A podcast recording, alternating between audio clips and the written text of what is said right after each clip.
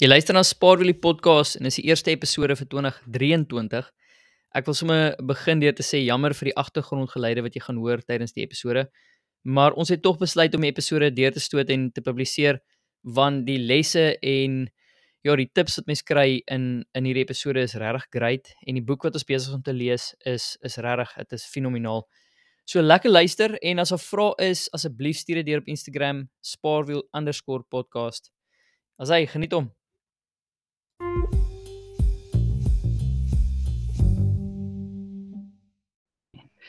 Episode 25 van Spaarwil die podcast en vandag uiteindelik gaan ons begin praat oor the psychology of money of ek het die Nederlandse vertaling hierso.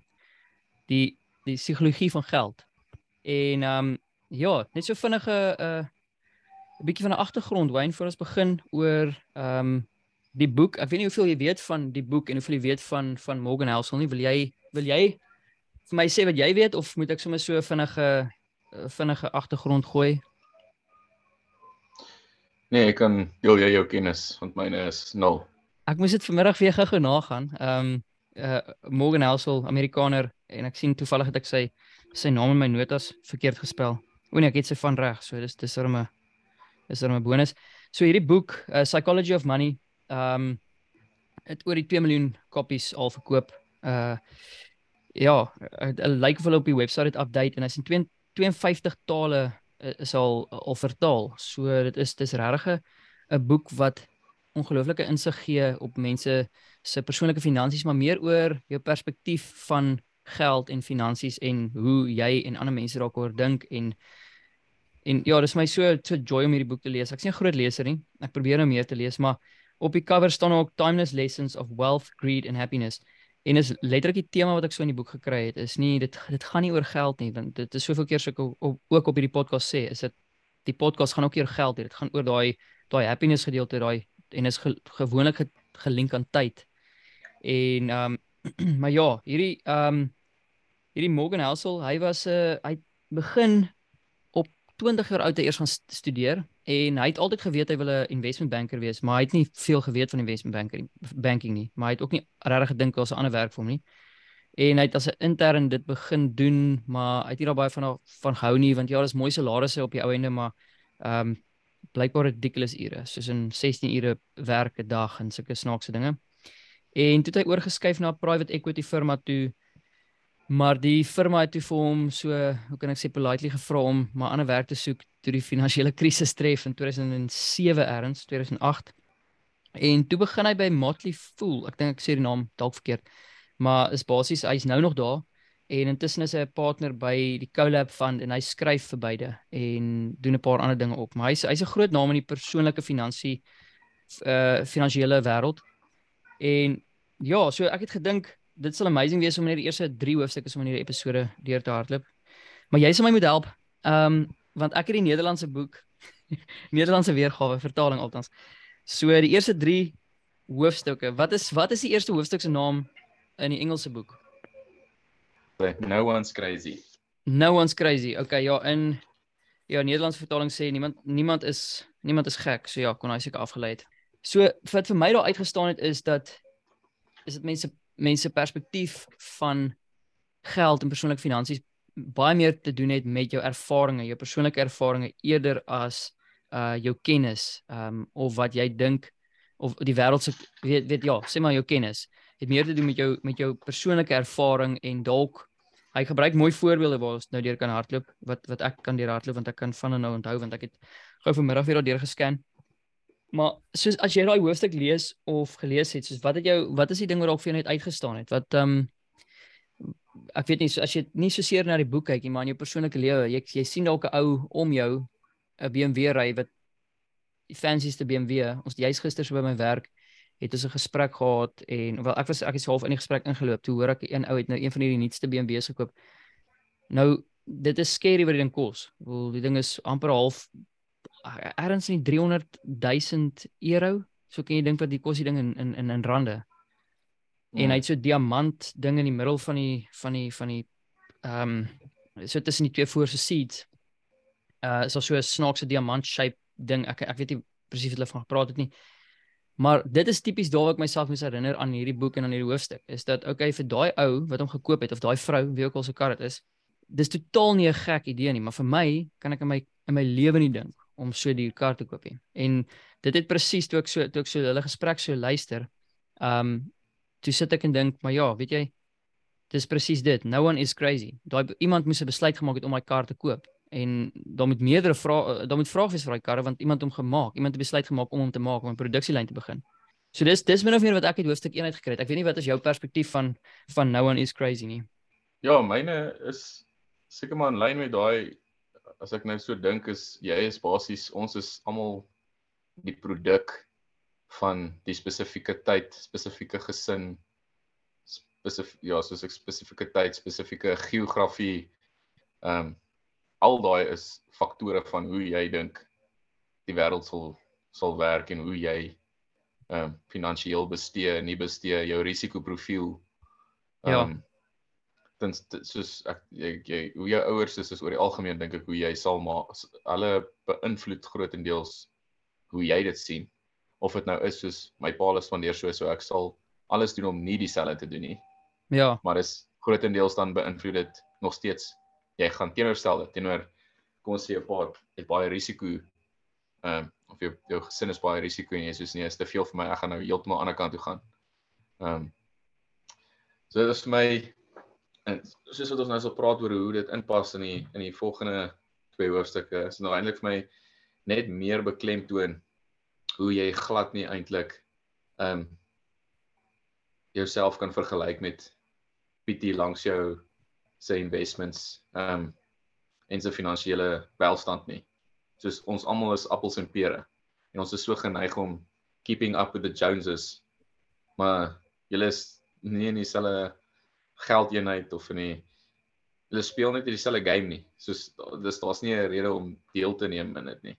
Ja, presies. Dis my dit my baie gemoed, dit gee my gemoedsrus dat ek half kan check out op enige ehm um, vergelyking of hierdie coveting tipe gevoelens wat mens maklik kry om te sê frikkie het saam my studeer maar hy maak ek soveel geld of hierdie een doen dit hoe kry hy dit reg om hierdie mooi huis te hê ja en is dis so die verkeerde manier om te kyk daarna. Dit is so dit is vir my eintlik lekker gewees om te sien dat dis maar niemand is mal oor hoe hulle spandeer nie en niemand is mal oor hoe hulle nie spandeer nie. Dis ja dis dis dis anders. baie waar wat jy sê ehm um, En soos jy nou gepraat dink myself jy ons moet in die toekoms ook 'n podcast episode maak oor net soos quotes, soos daai toe jy nou sê ja om om om te vergelyk appels en pere, maar toe dink ek ook aan 'n ander ding. Um 'n gesegde of 'n ding van 'n uh, 'n uh, ook so ek weet nie wie dit wie wie se quote hierdie is nie. Moet eintlik bietjie opvolg. Is you are the average of the five people you spend the most time with. So ook jy sal ook 'n ander groep sien. Um dat verstaan in groepe vriende doen hulle ook spesifieke dinge uh, weet byna dieselfde hulle koop dieselfde tipe karre of hou dieselfde tipe vakansies en dieselfde met met finansies maar dit moet juist nie so wees nie mense moet juist nie probeer dieselfde wees as die volgende ou nie want as jy as ek 'n ander vergelyking maak is uh as jy atletiek gekyk het op skool dan sien jy die ou sprint en hy gaan nou versprint doen maar as die ou wat op die baan was wat 1500 meter gehardloop het probeer byhou het met die ou wat sprint om nou versprint te doen dan gaan die ou wat 1005 doen net nie om die draai weet uitbrand. As ek dit so kan vergelyk. So in daai oomblik lyk dit hmm. of jy in kompetisie is mekaar, die hardloop reg langs reg langs mekaar as ek so kan vergelyk. Maar ehm um, dis totaal twee verskillende ehm um, uh event om nou weer die Engelse woord te gebruik. Maar dis dis presies wat hierdie hoofstuk ook vir my wat, wat hy ook vir my beklemtoon is dat niemand is gek nie. Elkeen het 'n ander perspektief en ehm um, en ja, die vergelyking of I keeping up with the Joneses, ek bly jy bring dit op, want dit staan nie so seer in hierdie hoofstukkie, maar dit is presies dit. En dan 'n ding wat ek ook opgetel het in hierdie hoofstuk is dat jou perspektief en jou ervaring, nê, so ehm um, hy hy noem hier so erns as jy nie in die 70s gebore was en jy het in die S&P later in jou lewe in die S&P 5 uh 500 belê, as ek nou die hoofstuk reg verstaan het, ehm um, dan het jy amper dan jy in 'n tydperk van 20 jaar het, het jou aandele omtrent 20 keer deur die dak, uh, skus 10 keer ehm um, vertienvoudig as ek dit sou kan sê. Maar as jy net 20 jaar vroeër gebore was en jy het 'n selfe beleggingstermyn gebruik van daai 20 jaar, het jou beleggings op die S&P 500 min of meer niks gedoen nie. Ehm um, en jou die punt wat hy daar probeer maak is dat jou perspektief van die aandelebeurs byvoorbeeld. Jy kan nie verwag dat die een ou wat in die 1950s gebore is en die ou wat in die 1970s gebore is, dieselfde perspektief het van die aandelebeurs nie. Die een ou sien dit amper 'n mors van tyd en mors van geld. Die ander ou sien dit as die beste nog gesnyde brood. Um so dit is dit is ja, dit is wat vir my uitgestaan het hierso um in in in in hierdie hoofstuk en die, en daar's so 'n quote in die begin wat hy ook sê wat basies neerkom dat um weet dat ons dink of of jou persoonlike ervarings van met met geld veral ehm um, het omtrent as jy dit moet gaan vergelyk 'n persent van 'n persent van 'n persent ehm um, of is is die werklikheid van ehm um, wat ek so sê dit verteenwoordig omtrent 'n persent van 'n persent van 'n persent van die werklikheid uh wat op buite gebeur maar ons dink dat jou dat ons eie perspektiewe 80% ehm um, is wat in die wêreld eintlik gebeur maar is heeltemal nie so nie want daar's 7 of of going on to 8 billion mense in die wêreld. So kan jy dink as elkeen se perspektief waar was. So ons perspektiewe van geld en perspektiewe van persoonlike finansies is so is so anders en dit ja, ek het nogal geniet om in hierdie hoofstuk. Dit dis dis regtig 'n gemoedsrus hoofstuk. Ek weet nie of jy dit ook so beleef het nie, beleef het nie. Ja, dit was ek dink dit was 'n goeie goeie opening. Ja, hy vloei toe flip mooi in hoofstuk 2 in. Want die twee praat so half lekker my saam. Ek het ook myself gekry dat ek baie maklik hoofstuk 1 en 2 gelees het en toe baie lank gewag het voor ek hoofstuk 3 lees, kan ek onthou. En hoofstuk 2 is ehm um, dit moet seker wees good luck en so good luck and bad luck. Ehm um, of good ja, luck en luck risk, luck en risk. Luck en risk, ja, nou dit weet dit dit is dit is omtrent uh, ek dink hy sê dit ook, is 'n tweeling. Ehm um, luck en risk is absolute tweeling. So ons onderskat baie keer hoe hoe groot geluk, hoe groot die uh, uh, um, het ja, hoe groot is die rol van geluk in ons persoonlike welvaart of in ons persoonlike uh, persoonlike portefeuilles of so. Ja, hierdie hoofstuk het my hierdie hoofstuk het my op my plek gesit want mense dink baie keer jy doen 'n ding reg en dis as gevolg van jy wat eienaarskap geneem het en aksie geneem het, maar mense onderskat 'n bietjie hoeveel hoeveel ehm um, ja, hoeveel luck daarmee te doen het want ek bedoel jy's op die regte plek, regte tyd. Die feit dat jy in Suid-Afrika gebore is, is is al is al 'n moerse uh voordeel teenoor mense wat in Sirië byvoorbeeld gebore is. En mens mens as as jy nou finansiële beleggings in gedoen, ek dink dis seker hoekom dit ook so belangrik is om om langtermyn te dink, maar jou jou doelwitte bepaal hoe lank jy belê of nie belê nie. Want ehm um, jy gaan nie vir als 30 jaar spaar nie. Jy kan ja. jy gaan nie al jou geld jy, jy gaan korttermyn doelwitte ook hê. En korttermyn doelwitte baie keer vereis bietjie meer risiko. En wat jy dan vergeet is en wat hierdie hoofstuk dan beklemtoon is daar's luck en risk. Ja. Dis dis dalk dis dalk 'n 20% risiko dat dat dit gaan gebeur, maar dit is 'n 20% risiko. As jy net 5 kans dat jy nie goed gaan investeer in hierdie ding nie. Maar dis dis dis kleiner is as die 4 uit 5. Ja. Maar jy is nog die 1 uit 5 net om so toe ek begin het om ehm um, soos ek het net begin werk, dis almal soos nee nee, jy moet jy moet vir jou 'n uh, uh, aan die tyd skry aan die tydfonds kry en jy moet vir jou uh, soos 'n 5 jaar investment builder kry, soos um, doen hierdie goeders, dis dis die regte ding om te doen. So begin net geld. En dit het vir my goed geklink, so ek het begin met 'n 'n RA en ehm um, 'n investment builder. En daai investment builder, dit was dit was nie groot geld nie. Ja. Maar daai investment builder is 'n 5 jaar investment gewees en hy het minus 2% verdien oor daai 5 jaar. Oor die 5 jaar ja. Het hy hy het my geld gekos. So ek het na 5 jaar minus 2% gemaak. En dis vir voor inflasie. Belegging. Voor dit is minus 2% is wat ek kon dit in die bank gesit het. Ja, ja. Maar dit was dit kon heeltemal anders uitgedraai. Dit kon 20% gemaak het of wat ook maar dit dit is net hoe dit uitgewerk het. Ja, of as jy in 5 jaar later begin realiteit. As jy om 5 ja, jaar later begin het, is in die volgende 5 jaar heel moontlik. Ja, ek het ek goedkoop gekoop. Ja. Um, en dit en ek en ek sit baie keer en dink aan as verskuis as ek dalk van die van die nee, onderwerp af gaan maar as ek as ek kyk na ehm um, S&P 500 byvoorbeeld en dis 'n langtermynstrategie wat mense doen jy jy belê nou en hy's op en af en op en af en dan dan dink ek vir myself ek kon eintlik net niks ingesit het nie. Ja. En ek kan nou alles insit en dan kon ek vir dieselfde gekoop het. Verstaan jy? So ek kan eintlik alles onttrek en dit net insit weer as dit daar is. Maar jy weet nie wat gaan gebeur in die toekoms nie. Jy weet nie ehm um, gaan dit op opgaan, gaan dit afgaan, wat wat wat gaan gebeur nie, want dit is daai 80% wat jy nou gesê het van hoe die wêreld Yes. Ja. werk. Dis hoe jy dink dit werk. Maar daar's soveel so so dis eintlik goed om dan 'n 'n konstante strategie te hê, want dit is 'n dissipline om geld weg te sit. Want ek gaan nie noodwendig daai geld wat ek wegsit elke maand in my ek gaan nie noodwendig dit iewers anders sit. Ja. Ehm um, en ek groei verdien as daar as daar so 'n omdraai is. Want die ding is ook jy gaan jou oë uitvee dan dat iets groot gebeur, dan skiet daai um, Tesla stok van jou in die dak in. Dan sit te laat. Dan moes jy al dan moes jy al gekoop het. Ja, anders te, anders as jy daai dip, as jy daai dip gemis het dan dan uh, mis jy die grootste grootste gedeelte van die van die van die opbrengs. Ja.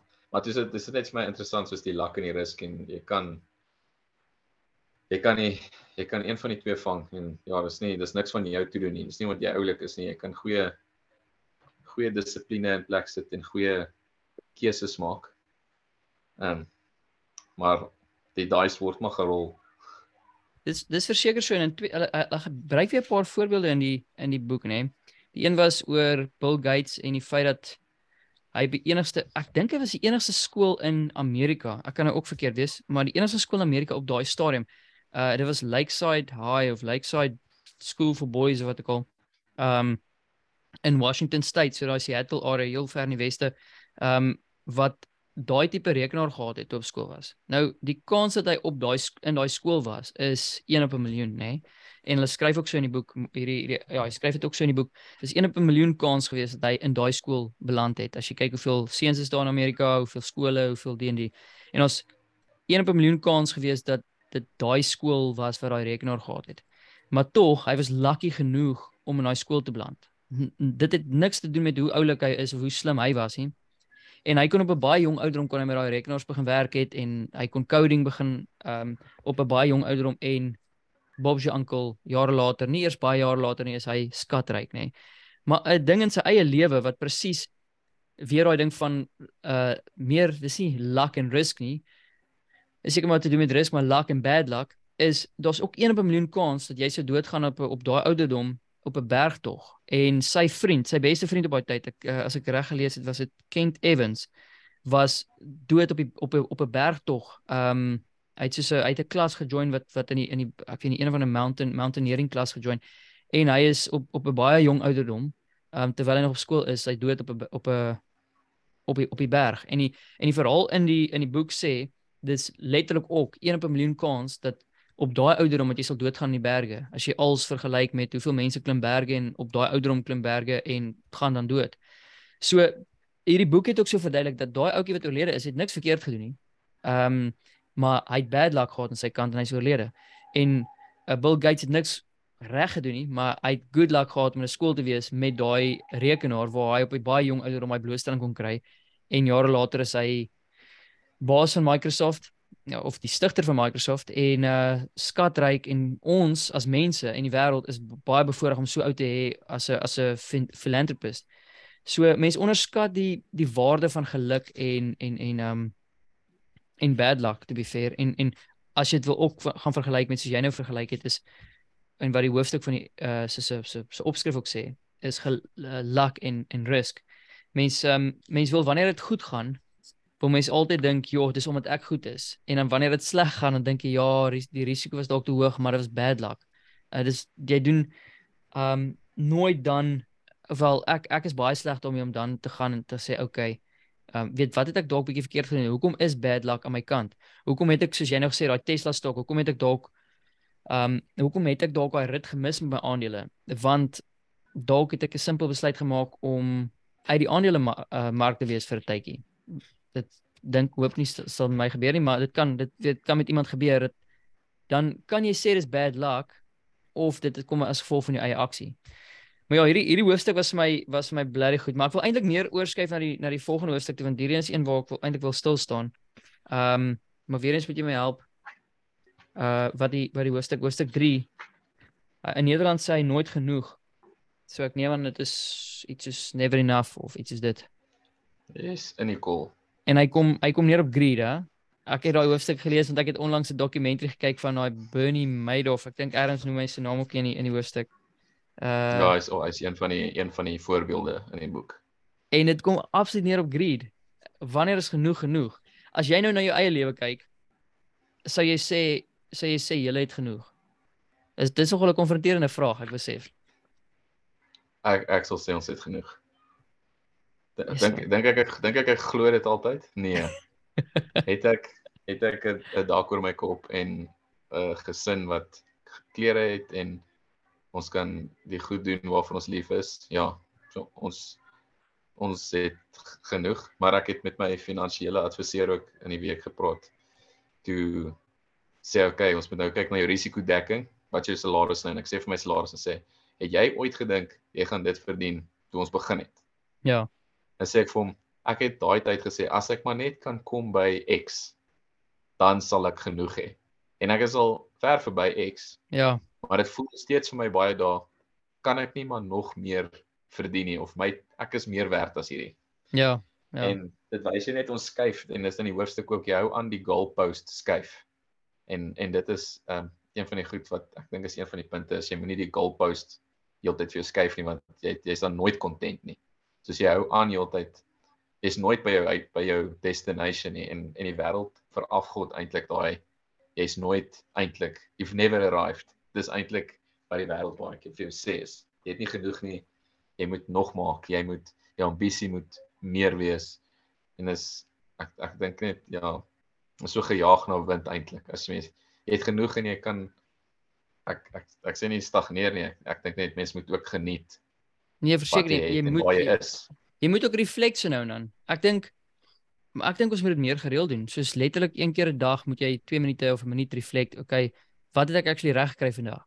En dan een keer 'n week dalk 5 minute van hoor okay, wat het ek in hierdie week reg gekry? Maar ook een keer 'n maand net sê hoorie, waar is ek en my gesin? Net waardeer wat mens het en dan kom daai ehm um, daai waardering vir wat jy het kom dalk bietjie meer lê dalk bietjie vlakker in jou hart as wat jy as wat jy net elke liewe dag jaag na die volgende stuk wind.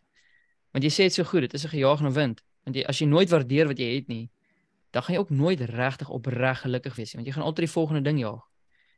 En to be fair, as jy ding bereik het, dan gaan jy ook daar verby jaag, want daar's weer 'n volgende ding om te jaag. So jy sê dit bly reg goed, dit is 'n absolute gejaagde wind, maar hier's een dingetjie wat vir my uitgestaan het. Ek het so groot kruislands om uh, gemaak, maar ek moet nou eers lees. Ehm um, dit kom neer op ja, daar's geen rede om om iets te waag vir iets wat jy nie nodig het nie. En soos jy nou sê, okay, jy het jy het 'n dak oor jou kop, klere op jou lyf, kos om te eet uh kan lekker dinge saam doen, goed wat vir julle waarde uh, gee, waarde uh, wat waarin julle waarde heg. Byvoorbeeld môre as jy in die kantoor instap en daar is 'n kans om een of ander fraud te pleeg en ook is 'n kickback vir jou en dan kry jy dalk kom ons maak dit groot, jy kry dalk 5 miljoen rand terug oor die volgende jaar van van een of ander random skema wat jy nou weer betrokke by raak. Maar die kans is dan Jy het nie daai 5 miljoen nodig nie. Jy kan jouself oortuig jy daai 5 miljoen nodig, maar die kans is daar dat jy in die tronk sit en dan verloor jy alles wat jy wat jy so waardeer. Um vir iets wat jy nie eens nodig gehad het nie. Dit is vir my die belaglikste en dit is wat my so uitstaan op hierdie Bernie Madoff storie. En um en wat s'ie ander ou? Ek het so gelag toe ek die van lees. Dis 'n Gupta. Dit moet familie wees, is dit nie? Moet, dit moet wees baie inside tra uh, trading uh, gepleeg het en al kom 'n naam ook 'n groot naam verby Warren Buffett met toe hy uh, by Goldman Sachs uh, uh, aandele gekoop het. Ek weet nie wat se jaar daai was nie. Ehm um, maar ja, dis dit is vir my so tragies, maar op op 'n kleiner skaal doen ons dit ook. Ehm um, op 'n kleiner skaal ook met met alles in ons lewe. Ehm um, net 'n salaris. Ek jy net nou is jou voorbeeld van 'n salaris is, is was amazing. So wat dink jy nou? Het jy het jy jou goalpost alweer geskuif of is jy gelukkig met jou salaris nou of het jy al daai daai volgende syfer in jou kop wat as jy dit bereik, dan gaan jy gelukkig wees of dan jy genoeg. En hoe gaan jy jouself herinner dat as jy by daai bedrag kom of by daai syfer kom of wat ook al of by daai punt kom dat jy eintlik maar genoeg het? Jy jy vra moeilike vrae hier. ek vra hierdie vrae myself op want dit is so maklik om 'n boek te lees, maar ek het nie die aksiepunt om my om 'n lyn in die sand te trek wanneer daai punt verbykom nie want ek weet vir 'n feit ons is dedicated genoeg om en 'n bietjie luck soos hoofstuk 2 as mens iets daai leer is 'n bietjie luck aan jou kant is dat mense op daai punt gaan kom maar ek is amper oortuig of van dat ek my my goalpost in elk geval net weer gaan skuif. Ja, ek, ek dink nee, ek kan nou nie my gesig sien nie. Die luisteraars kan nie. Jy kan. kan sien hoe krap ek my kop so soos wat ek nou 'n bietjie introspeksie doen in terme van ons ons is maar stout vir 'n ou leefstyl aanpassing om 'n bietjie meer uit te eet of skoop bietjie duurder whisky of ons koop bietjie ekstra 'n ekstra kledingstuk of 'n bietjie meer speelgoed vir my kind. Ja.